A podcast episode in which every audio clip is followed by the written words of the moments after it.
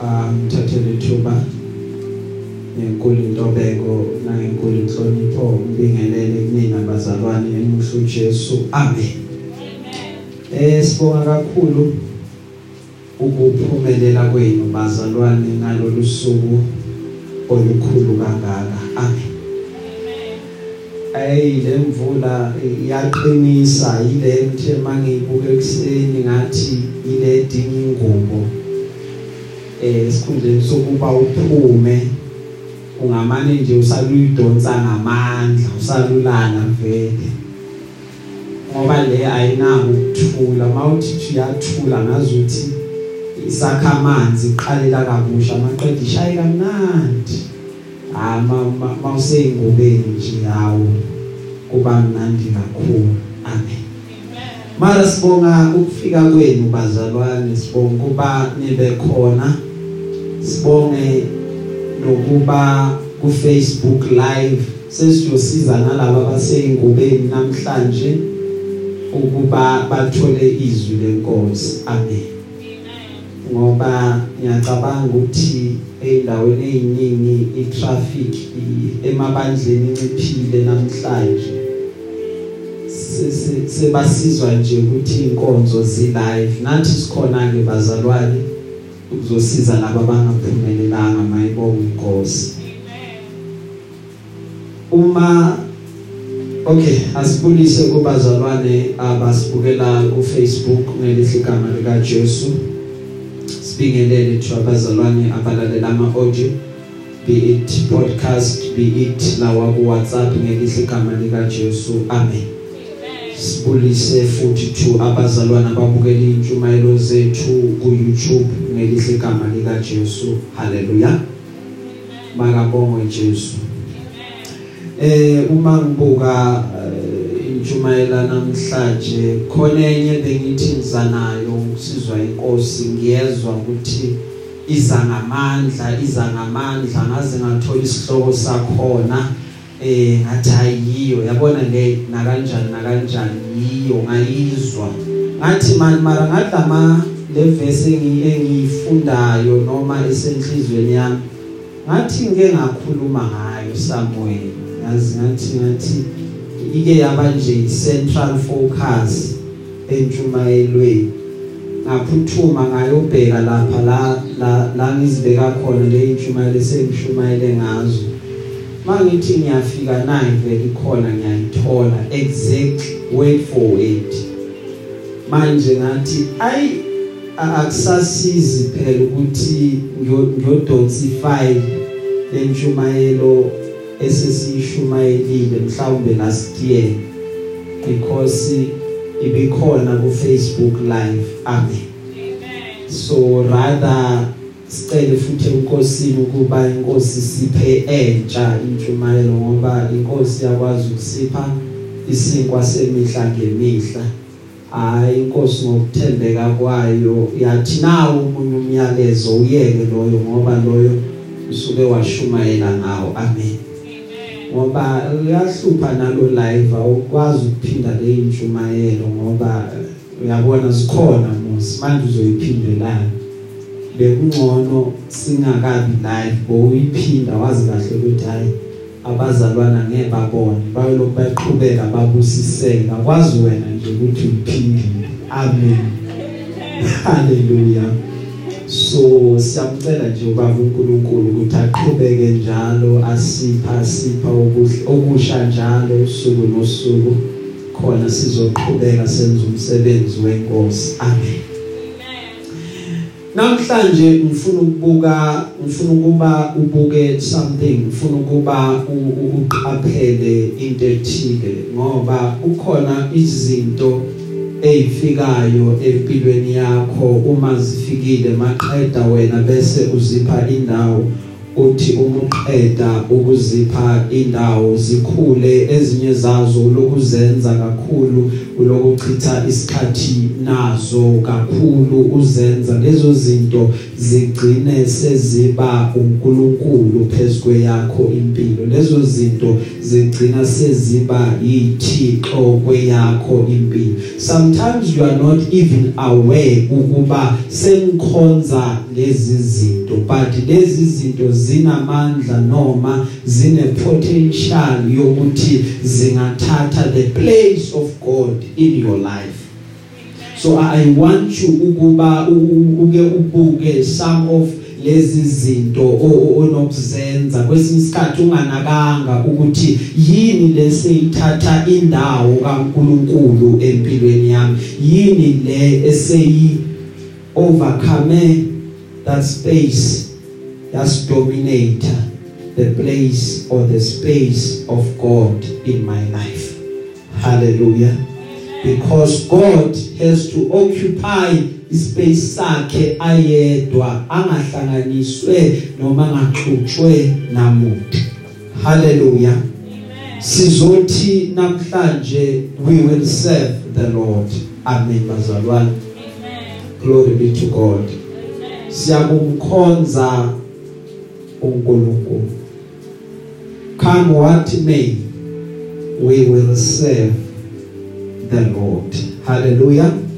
Emabhayibhelini ethu we are reading Joshua chapter 24 iverse 15 ncwadi kaJoshua. Joshua chapter 24 verse 15 Glory be to God. Amen Khona iphethe ngesizulu bazalwane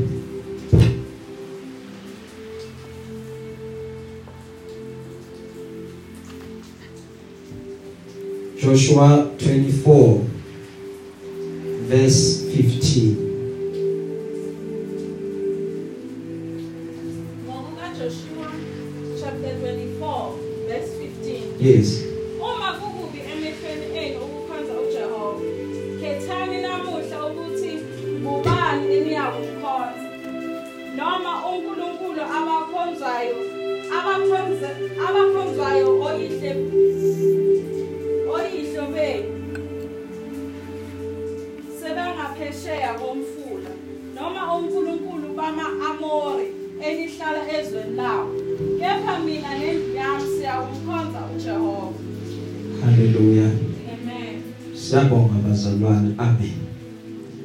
In English I'm reading NIV The Bible reads as follows. But if serving the Lord seems undesirable to you, then choose for yourselves this day whom you will serve, whether the gods of your whether the gods your ancestors served beyond the Euphrates, or the gods of the Amorites in whose land you are living. But as for me and my household, we will serve the Lord. But as for me and my household, we will serve the Lord. Sizovala namehlo ethu. Linamandla liyaphila liphefumulelwe nguwena uqobo. Khuluma ngalo osukwini lwanamhlanje usuthise umphefumulo wethu. Siyabonga ngalo. Khazimulisa uJesu nakule ntambama namhlanje in Jesus name we pray. Amen. But as for me and my house we will serve the Lord. Amazwi lawa akhulunywa uJoshua ewakhuluma nabantwana bakwaIsrayeli. Makabongwe Jesu. Uthi kepha mina nendlu yami siyakumkhonza simakade. uJoshua thatha abantwana bakwaIsrayeli ubahlanganisa ndawonye eShekhem uthi khumbulani konke uNkulunkulu anenzele kona. Maqeda uthi ekuhambeni kwenu nihambe nahamba naba nabanye oNkulunkulu nihambe nahamba naba nezinye izithixo to a point yokuthi lezi izithixo zikhona ziphakathi kwenu. Maqeda uma sebalandisile ngabona konke uJehova abenzele kona. From ebakhuphula eGibhithe ebamikise ezweni lesethembiso elithe iBhayibheli lakho it is the land that is flowing milk and honey lapho kuchichima khona uju kanye nobisi. Uthi uJoshua ngifuna ukuba namhlanje bese niyanquma bese niya decide umuntu nomuntu ifamily nefamily besithatha idecision ukuba ngalolu suku ubani eniyakumkhonza fanele ukuba nikhethe ngoba umuntu kunezinto kuyena umuntu kunendawo kuneyindawo ezihlangana kumuntu. Sometimes bayaye bathi eh umuntu ngamkhipha endaweni ethile but awukwazi ukukhipha indawo ethile kumuntu. Yingani?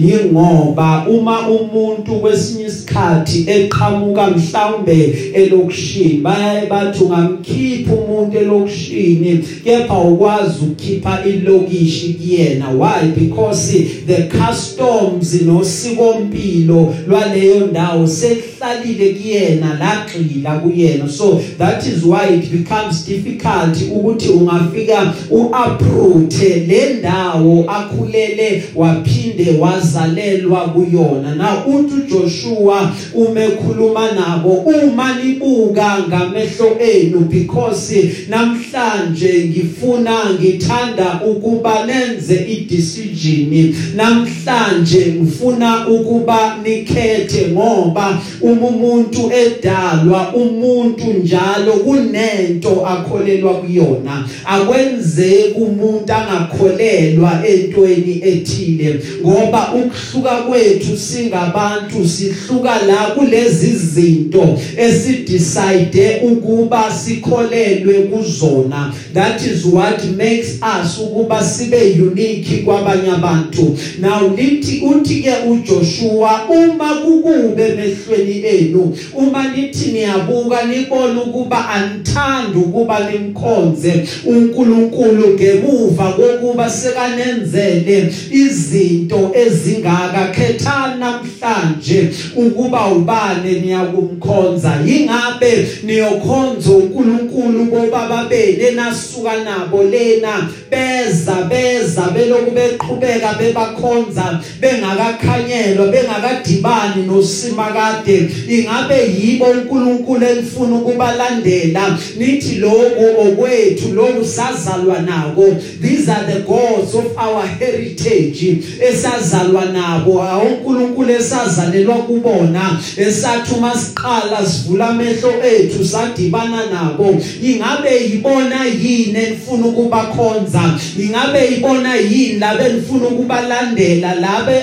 obaba bena babakhonza before bazokweqa umfula beze nganeno komfula. Ingabo ibona yini uNkulunkulu elifuna ukubalandela? Noma oNkulunkulu elifuna ukubakhonza? Yilabe nithema nifika la nabathola la? Yilabo uNkulunkulu abenifike nithole bakhonzwa yini kule ndawo? Ibona yini uNkulunkulu elifuna ukuba nibakhonze na? Ingabe lifuna ukukhonza oNkulunkulu elifike naba inherita in this land? Na namhlanje ngifuna ukuba ni decide between these three choices ukuthi yibapi enihamba nabo because already uJoshua is giving them this ukuba ngiqala nginilethela ipast yenu yala qhamuka khona. Niyaqhubeka yini nayo likhonze labo uNkulunkulu who are from your past noma nizokhonza oNkulunkulu benu abamanje in your present?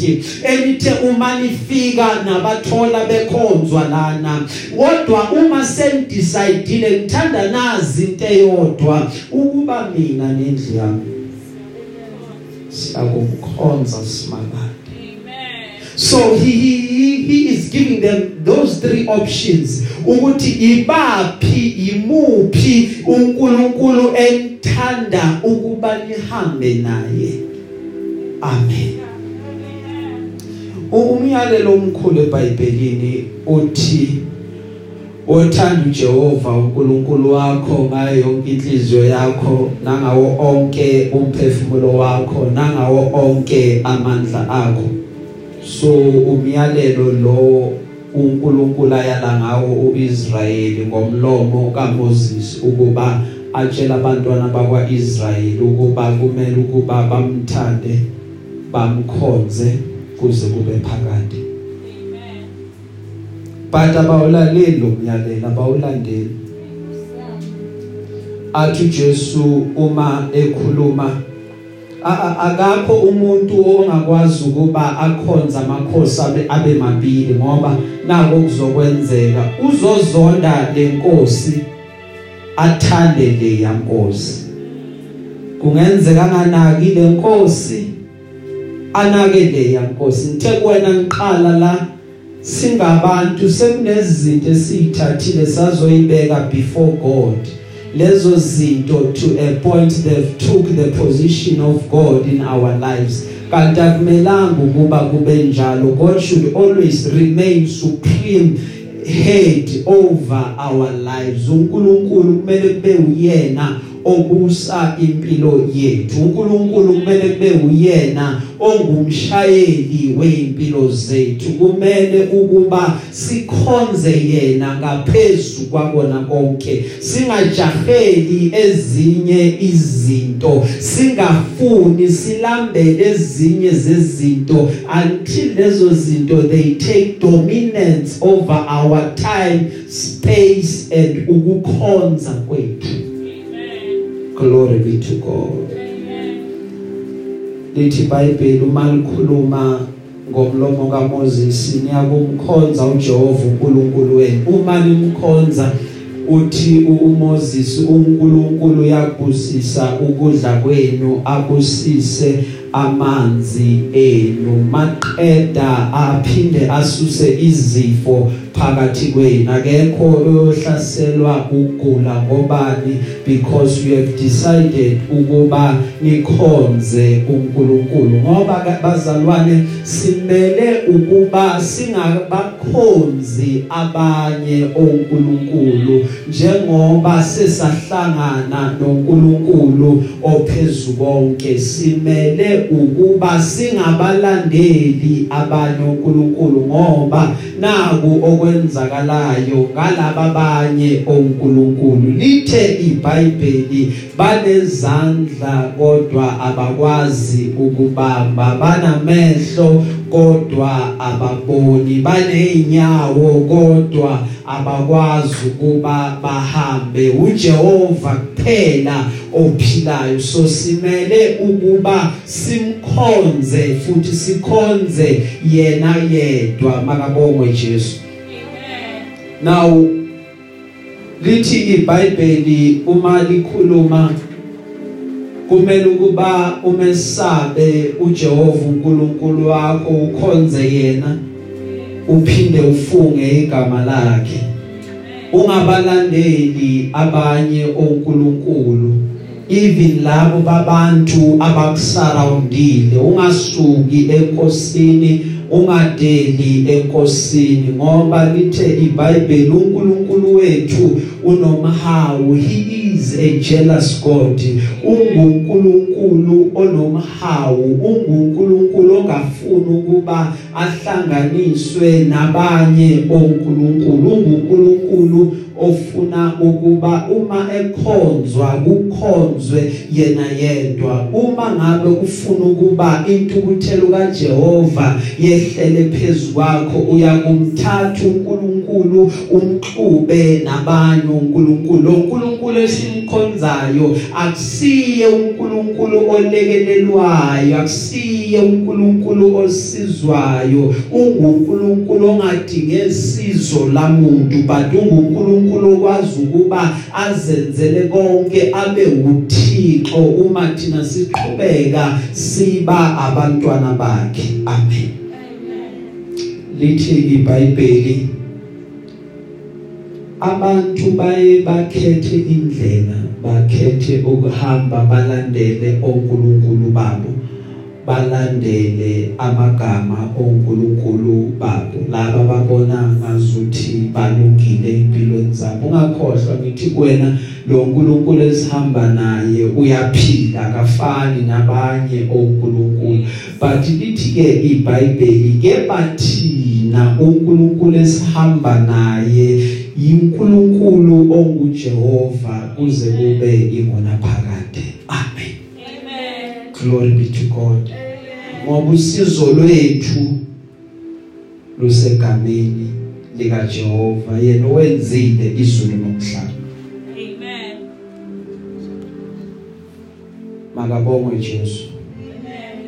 now ku- kukhona kukhona umzalwane ogama lakhe linguDavid lithi iBhayibheli ukukhuluma nendodana yakhe uSolomon. Uyamyala uSolomon uthi Solomon indodana yami ngifuna wenze into eyodwa. Number 1 qaphela ukuhamba kwami qaphela ukwenza kwami maqeda bese ulandela la mina ngihambe khona. Uthi uDavid uma ekhuluma nendodana yakhe uSolomon Solomon ndodana yami eh, yazi uNkulunkulu kababakho yazi uNkulunkulu ka kayihlo maqeda bese uyamkhonza ngenhliziyo epheleleyo ngenhliziyo futhi ejabulile nethokozayo ngokuba uJehova uhlola inhliziyo zonke uqonda zonke izizindlo zemicabango. Athi uma umfuna uJehova uyakufumana. Maqeda athi uma umshiya ndodana yami yazi ukuba uJehova uyakusuka kuwena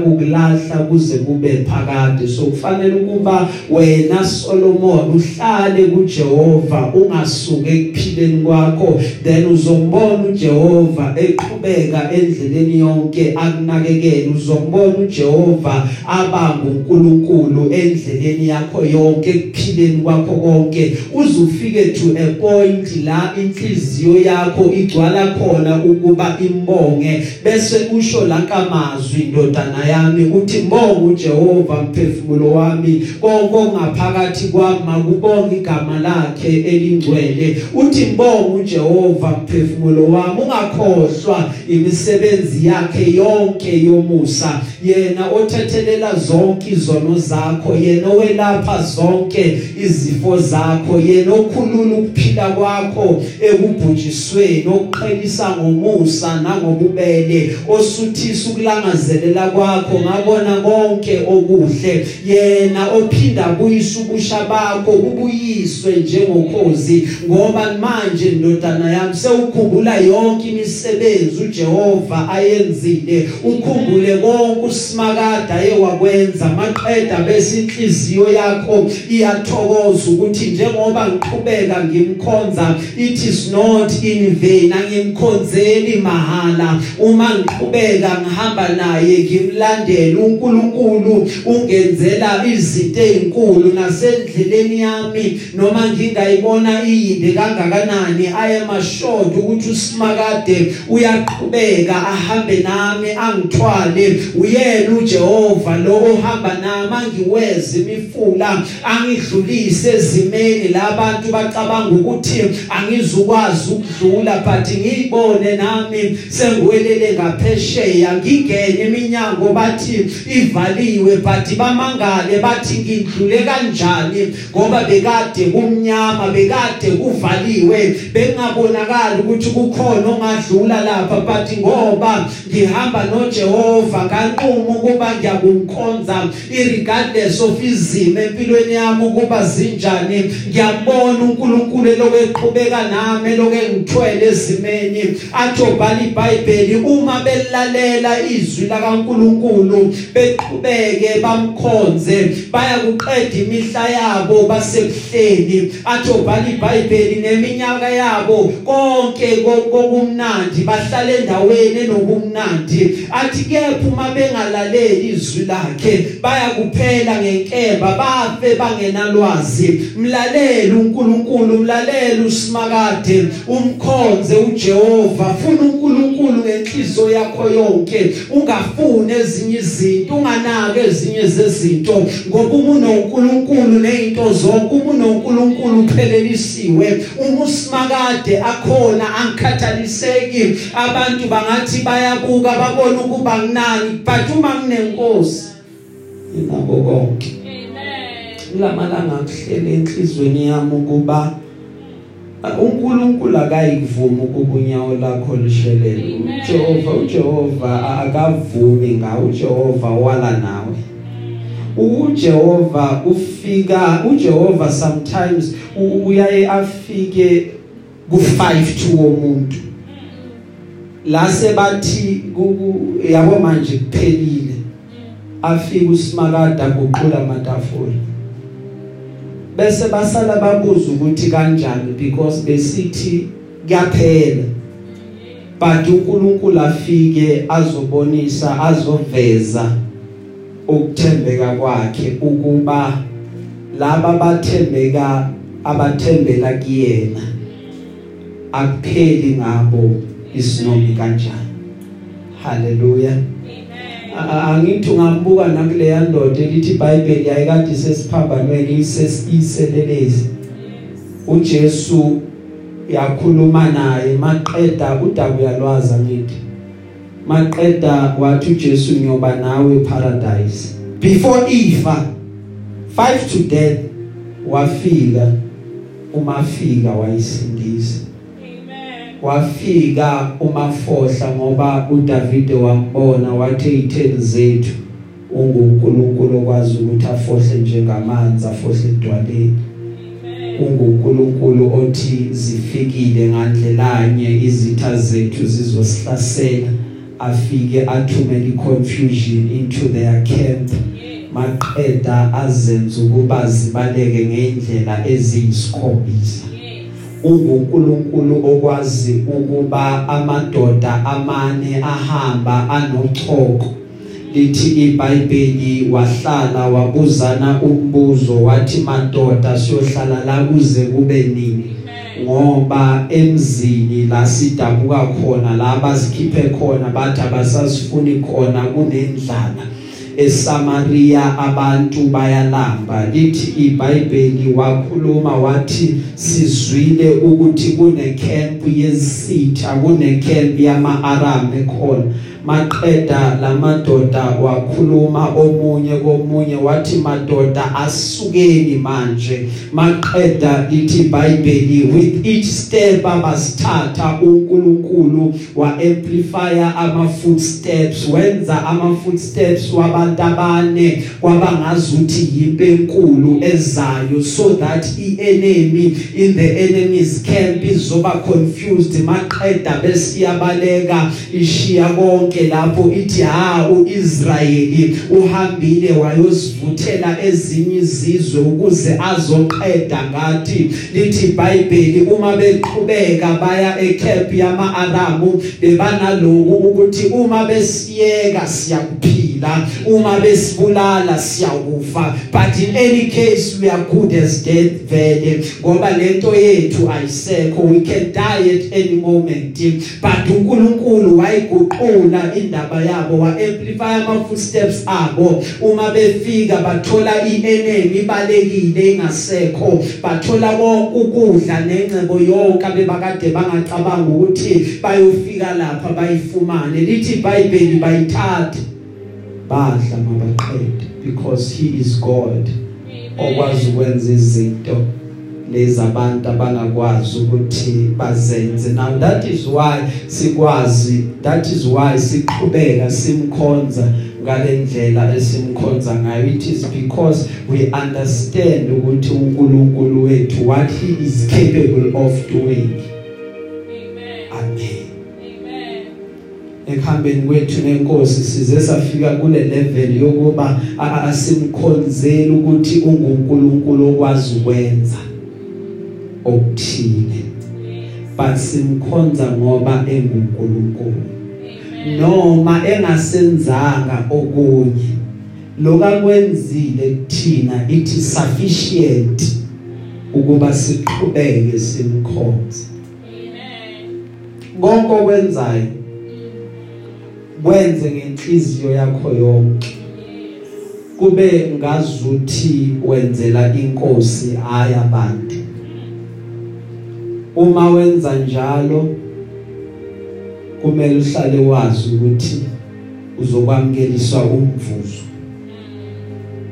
umvuzo ovela enkosini let everything that you do ibe indlela odumisa ngayo uNkulunkulu ababona uNkulunkulu ngalezi zinto ozobe uzenza Amen. haleluya Amen.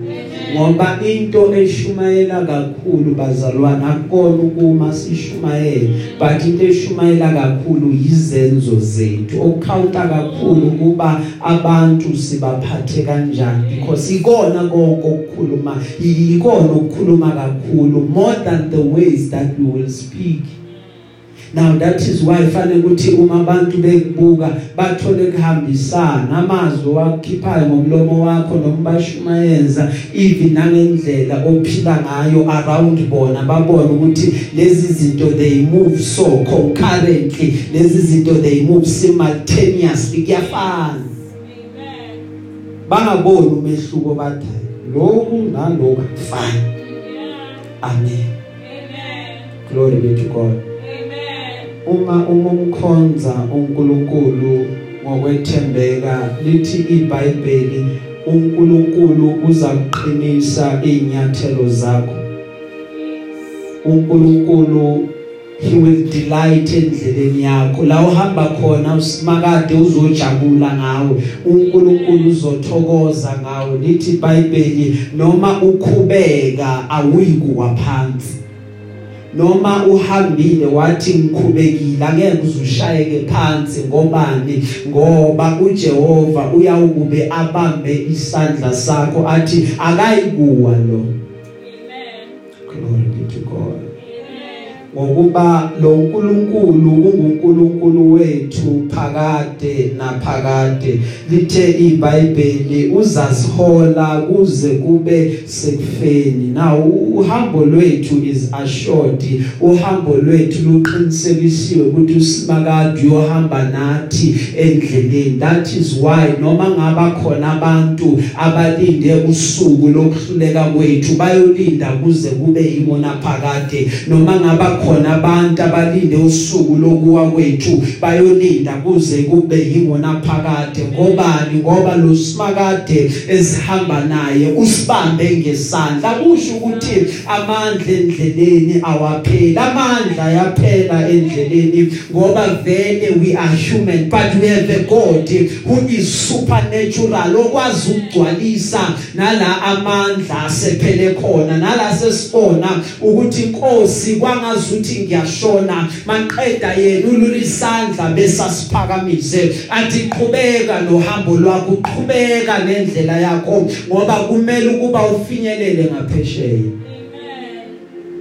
zinokuvuka ivunguvungu yes ama storms ayavuka but because oyemkhunjini wethu we have Jesus Yes. uyena lo othi peace be still Amen. glory be to God. You you you need to understand uNkulunkulu lo ohamba naye. You need to understand uNkulunkulu lo omkhonzayo. You need to know ukuba uNkulunkulu lo omkhonzayo uyidwala. Elithe iBhayibheli uJehova uyidwala lethu. Amen. maqeda bathu mabekhuluma ngokuba idwala labo alifani nedwala lethu. Nezitha zethu ziyakubona lokho. Ukuba lele lethu linamandla okudlula elabo. Sigcinwe nje sisedwaleni. Glory be to. Bangabonga Jesu bengizothi namhlanje siyakumkhonza usimakade Amen. Glory. siyakumkhonza uNkulunkulu wethu Amen. siyakulukhonza idwala lethu kuze kube ngona phakade Amen. In conclusion sesigcina ke bazalwane kunabafana lapha abathathu. Labafana bamaHebheru lithi iBhayibheli bebakade baseBhabhiloni. Uma beseBhabhiloni kwakhandwa isithombe segolide. Kwathiwa ongaguqi uyophonswa echibini lomlilo manje umlilo waphakanyiswa waphindwa kawu7 kwabizwa labafana bebizwa inkosi. Inkosi yathi kubona bafana bami nginthanda kangaka. Kungani ningafuni ukuguqa? kuNkulunkulu wami engimisile. Lithi iBhayibheli bathi inkosi asizukwazi. Yes. wathi yathi inkosi phindani bafana nithini? Bathi inkosi sitha ngesiphumelele yabo ngayihloniphisa lena Yes. yathi yathi inkosi nithi alifuni. Bathi hayi inkosi mawubeka kanjalo hayi sisho kanjalo ke sithi "Ah, angesikhona maqeda inkosi yayalela ukuba bathathwe bayophonsa esithandweni somlilo. Lithi iBhayibheli olifundayo bathi inkosi thina sinakuphendula kule ndaba ositshela yona kepha nake sithanda ukuba ukwazi noma kwazeke. Lo nkulunkulu esihamba naye is able ukuba ayosikhulula esandleni sakho Nkosi lo nkulunkulu esihamba naye unamandla okuba ayosikhulula esithandweni somlilo. Bathi uma kwenzeka engasikhululi uma sizothi akazange asikhulule makwazeke kuwena Nebuchadnezzar inkosi yaseBhabhiloni ukuba thina asiyuguqa kwelakho inkosi kweya kwesakho isithixo osimisileyo ukuba sikhonzwe. So thina asizukukhonza esinye isithixo ngoba siyamazi lo nkulunkulu esihamba naye ngoba siyazi ukuthi usimakade wasilanda wasithatha waphinde wasikhipha kuphi wazosibeka kuphi. We understand the very nature of God ukuthi kahle kahle uNkulunkulu unjani. That is why uJoshua akhuluma njengompriest wekhaya lakhe uthi decide who you will serve decide who you will follow why? Because before your very eyes yonke imisebenzi kaNkulunkulu ibekiwe before each and every one of you. Niyakhumbula izinto uNkulunkulu anenzela zona niyakhumbula ukuba uNkulunkulu wanilanda kuphi. So namhlanje uma linquma nini ukungacompromise kulungile. Uma linquma again ucompromise that is still okay. But mina as umpriest wekhaya lami mina nabo bonke abangilandelayo njalo siyakumkhonza uNkulunkulu ongaphezulu konke. Uyena uJoshua owakhetha ukulandela uNkulunkulu. Uyena uJoshua owakhetha ukulandela izimiso zakaNkulunkulu. Ngoba ekhambeni noNkulunkulu ekufundeni even from uMoses wabona izimiso zakaNkulunkulu zilungile wabona uNkulunkulu njengoNkulunkulu wokulandelwa wabona uNkulunkulu njengethemba labona bonke abakholelwa kuyena wabona ukuthi bonke abakholelwa kulo uNkulunkulu abanayo injabiso wabona ukuthi bonke ababheke kuyena ubuso babo buyakhanya wabona ukuthi uNkulunkulu uyathwalana wabona ukuthi even ezimpini uNkulunkulu uyalwelana. Wabona ukuthi mangenza into eyodwa nginamathele ezwini lakhe. Ngoba uyakhumbula usimakade wakhuluma wabathumela ezweni wathi hambani yodlizwe maqeda lithi iBhayibheli laba bayi10 babuya nereport enegative bathi asikwazi ukuyolidla izwe. Uma kusalelele ukuthi why bangakwazi ukuyolidla izwe? Bathi sithe uma siyibuka sabona sifana neintethe sathi masiwabuka amadodana kaAnaki sabona nabo besibona njengeintethe but uJoshua benoCaleb ibona bathi siyakulidla leli lizwe. Ngobani? Ngoba uNkulunkulu ukhulumile. Wathi ngenani nithathe izwe ayikho into eyoba impossible before nina. So wahamba nalo uNkulunkulu lokemthemba wahamba nalo uNkulunkulu lokebheke kuyena. Lithi iBhayibheli wathi nangu uNkulunkulu usithathile. Wazosifaka ezweni lesethembiso sithe uma sifika la sathola izindle singazakhanga sahlala kuzona saphila kamnandi. Sifike la sinengcebe singaqalanga nayo. uNkulunkulu uyena owakhipha amanzi edwaleni. uNkulunkulu uyena owaba nathi wasilwele izitheni zethu. Yena lo uNkulunkulu engifuna ukuqhubeka ngimkhonze. Uyena lo uNkulunkulu engimtshalile kulabo abangilandelayo. Ukuthi landelani mina njengokuba ngilandela uNkulunkulu because injongo yami enkulu ukuba ngifuze ngifane noKristu khona ngiyakumbona uNkulunkulu wangenzela yonke imisebenzi emikhulu kangaka glory be to God. Wathi khethani ukuthi niyohamba nobani because kule ndlela esihamba kuyona abaningi bayasuka kuyena abaningi bayahlubuka kuyena. Abaningi bathi ayikho lento. Haleluya kanti khona lento. Sizwa uIsrayeli ephendula kuJoshua. Athi umephendula cha mfoka Joshua siyakumkhonza uNkulunkulu.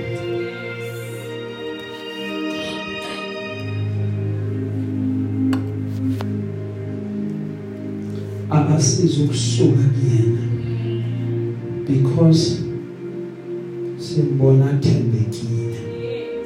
Simbone angafani nabanye uNkulunkulu. Sithe masimbuka sambona engafani nezinye izithixo simbone alungile. Sithe sesonile. Wangasivuzi njengokwamaqala ethu. Sithe mase simkhohliwe wasikhumbula yena. Eloku sibize njalo athi buyelani kumina ababaningi onkulunkulu abebangenza kanjalo. Ujabulele nje ukusondelana nathi. Manje Joshua in other words sithi bonke laba banye uNkulunkulu abasuki. And then sisondele kuJehova njengokuba uthi wena mina nendlu yami ngiyakumkhonza uJehova. So nathi singena kuleso sivumelwano sithi thina nezindlu zethu siyakumkhonza uJehova onguNkulunkulu ophezulu kwabona konke. Uma uma uma beqeda ukusho njalo wathi okay kulungileke. Nisho ngalento enidecideayo because angifuni ukuthi namhlanje nithi niyakumkhonza maqeda bese niyajika endleleni. Bathi Joshua we are sure. Bathi lokesikushoyo asigudluki kunkolo we are sure Joshua. Wathi okay kulungile so uma nithi ni sure eh ake sibhale phansi kube nesivumelwano maqeda lithi iBhayibheli wabeka ilitshe wathi nakufakazi ukuthi on this day nanquma nina na decide ukumkhonza uNkulunkulu because ukumkhonza kwabo bekade kusho ukuba baya kumkhonza kuze kube phakade bebangasayi kusuka noma bachief enkosini. Maqeda uJoshua wathi bona uma niyakumkhonza uNkulunkulu njengoba nivuma ukuthi nimkhonze susani phakathi kwenu zonke izithixo lezi nazo because the more behamba la indleleni bebahamba baqoqa izithixo bagadarisha lezi izithixo ezinye bagcina sebayikhonza. That is why uJoshua wathi khethani namhlanje ukuthi yimuphi lo nkulunkulu enifuna ukumkhonza. Because uma nifuna ukukhonza lo ngaphezulu kwakona konke you need to destroy zonke lezi ezinye izithixo enihambe nayigadarisha endleleni. So abantu had to do introspection maqeda ba destroy zonke lezi ezinye izithixo maqeda bangene ku covenant entsha nosimakade eba renewed ngoba uNkulunkulu wayenza icovenant eqaleni they had to be renewed because why? Along the journey along the way leya abe bayenzile kwaseqaleni kukhona la bahambe bahamba bayilahla khona Amen. glory be to God Amen. wathi njengoba niyakumkhonza kulungile asingeneni ku covenant haleluya Amen. singasukumani bazalwane ngifuna nje sikhuleke ukukhuleko wethu manje kusezokhuleka kunezinto along the way uyazazi wena zakho ozithathile wayibeka before God. Kunezinto eseziphenduke izithixo before wena. Kunezinto osoyikhonza ukudlula uNkulunkulu lo othi wena mina ngingumntanakhe. Abanye nje sikhuluma nje abasakhuleki. Abanye abasalifundi izwi. But every day uhlala ku Facebook ufunda indaba zabantu ufunda lokho uyakhuluma uyakhuluma uyakhuluma. Yingani? Ingoba sekubekhona ishifting eyenzekile Yeah. uNkulunkulu is no longer taking idominance. Omunye nje ukhuleka nje 2 minutes ifoni la yaqala nje yathi pipi ayiyekile ukuthandaza. Amen inkosi ngizophinde ngibuye. Sekambhizi nefoni le phone seyisubstitute ipresence kaNkulunkulu.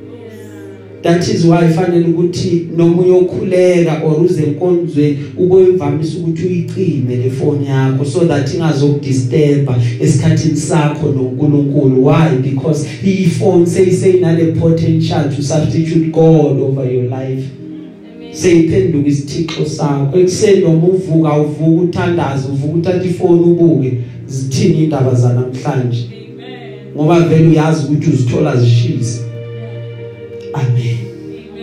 Kunabantu esikhuluma nabo kunabantu esixoxa nabo ungakhuluma naye for an hour but you can't spend an hour with God. Ukhuleka ukukhuluma naye njengobaba wakho abanye uNkulunkulu ukukhumbulile God is missing you. You are ukhona mara ngazuthi awukho because why? Sekunezinto ibeke before yena. Lezi zinto sekuyithixo zakho. Ngabe uyakhuleka wena ngabe ufunda izwi ngabe uzila ukudla. Ngabe uyahlanganyela nabangcwele ukwenzi konke lokho instead into ogcwele yona kugcwele ama excuse ukuthi Nkosi I can't do this that is why ngifuna ukhethe namhlanje ngifuna ukukhuleka nje nabantu abathi Nkosi ngena kuzivumelwano again nawe Yeah. Nkosi kubona bonke uNkulunkulu abakhona kubona bonke uNkulunkulu ababekiwe before my very eyes Nkosi mina nendlu yami sakhonza wena Yes. Zonke ithixo bese ngiyibeke before wena ngiyayidestroya namhlanje ngiphethe isando ngiyayiphahlaza zonke ngegama lika Jesu they will never take more of my time ever again Yes. i am yours and yours to keep Amen. eluphakamisa isandla sakho saka right siyakhuleka babegameni lika Jesu waseNazaretha kule ntambama namhlanje size kuwena simalade uthezwe lakho noma zibovu uyayihlanza zibe mhlophe.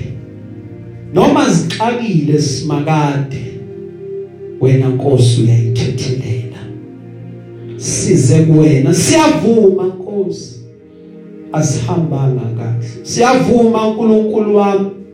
Siye saphambuka endleleni. Sithatha izinto sayibeka Nkosi zaba wothixo kuthina. Sithatha izinto sakhonza zona sakhohlwa wena ongumdali sikhonza okudaliweyo kunokuba sikhonza umdali. Kokunye Nkosi senze singazi besingaboni. Namhlanje siyaphenduka. Sithethelele izono zethu. Baba sithethelele we have made you to be second best in our lives. Sabeko kunye ngaphambili. Sabeka imisebenzi yethu. Sabeka imali. Sabeka ubungani. Sabeka ama friendships ama relationships ngokuhlukana kwawo. Sabeka ama phone ethu phambili. Sabeka imisebenzi esiyenzayo konke. Sakubeka before you. Namhlanje ukhulumile wakhuluma nezimpilo zethu. Singena ku covenant namhlanje. Sizovuma Nkosi asihambanga kahle endleleni. Sizovuma simakada senzange befane ngabe sikwenzile. Kube sikude nawe Nkosi.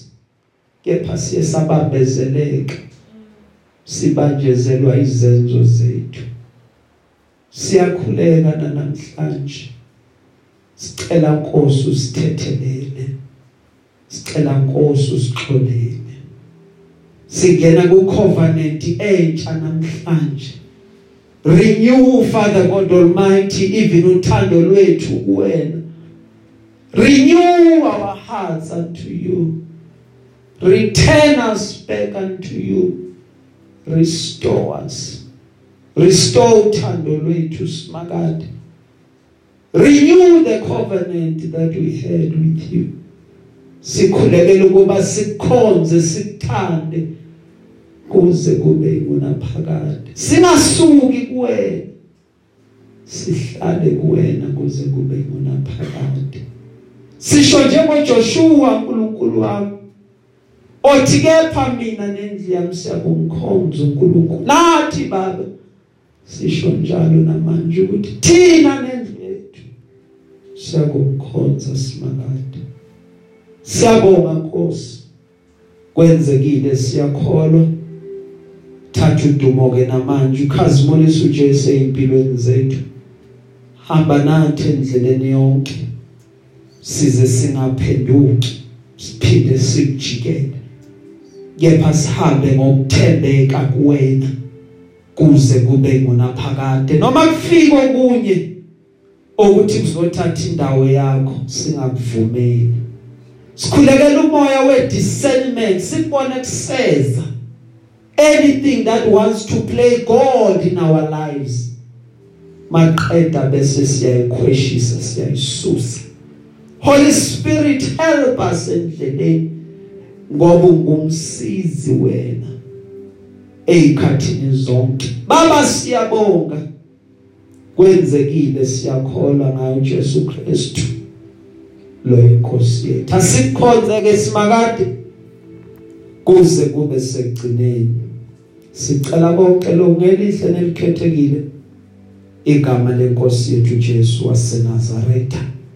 Mana njalo uNkulunkulu wami thatha lonke udumo. We exalt you mighty father. In Jesus name. Be exalted o Lord. Ngawe Jesu Kristu lo inkosi yethu. Masinciphe njalo thina bese wena uyaphakama. Sibongile simakade kwenzekile siyakholwa in Jesus name. Amen.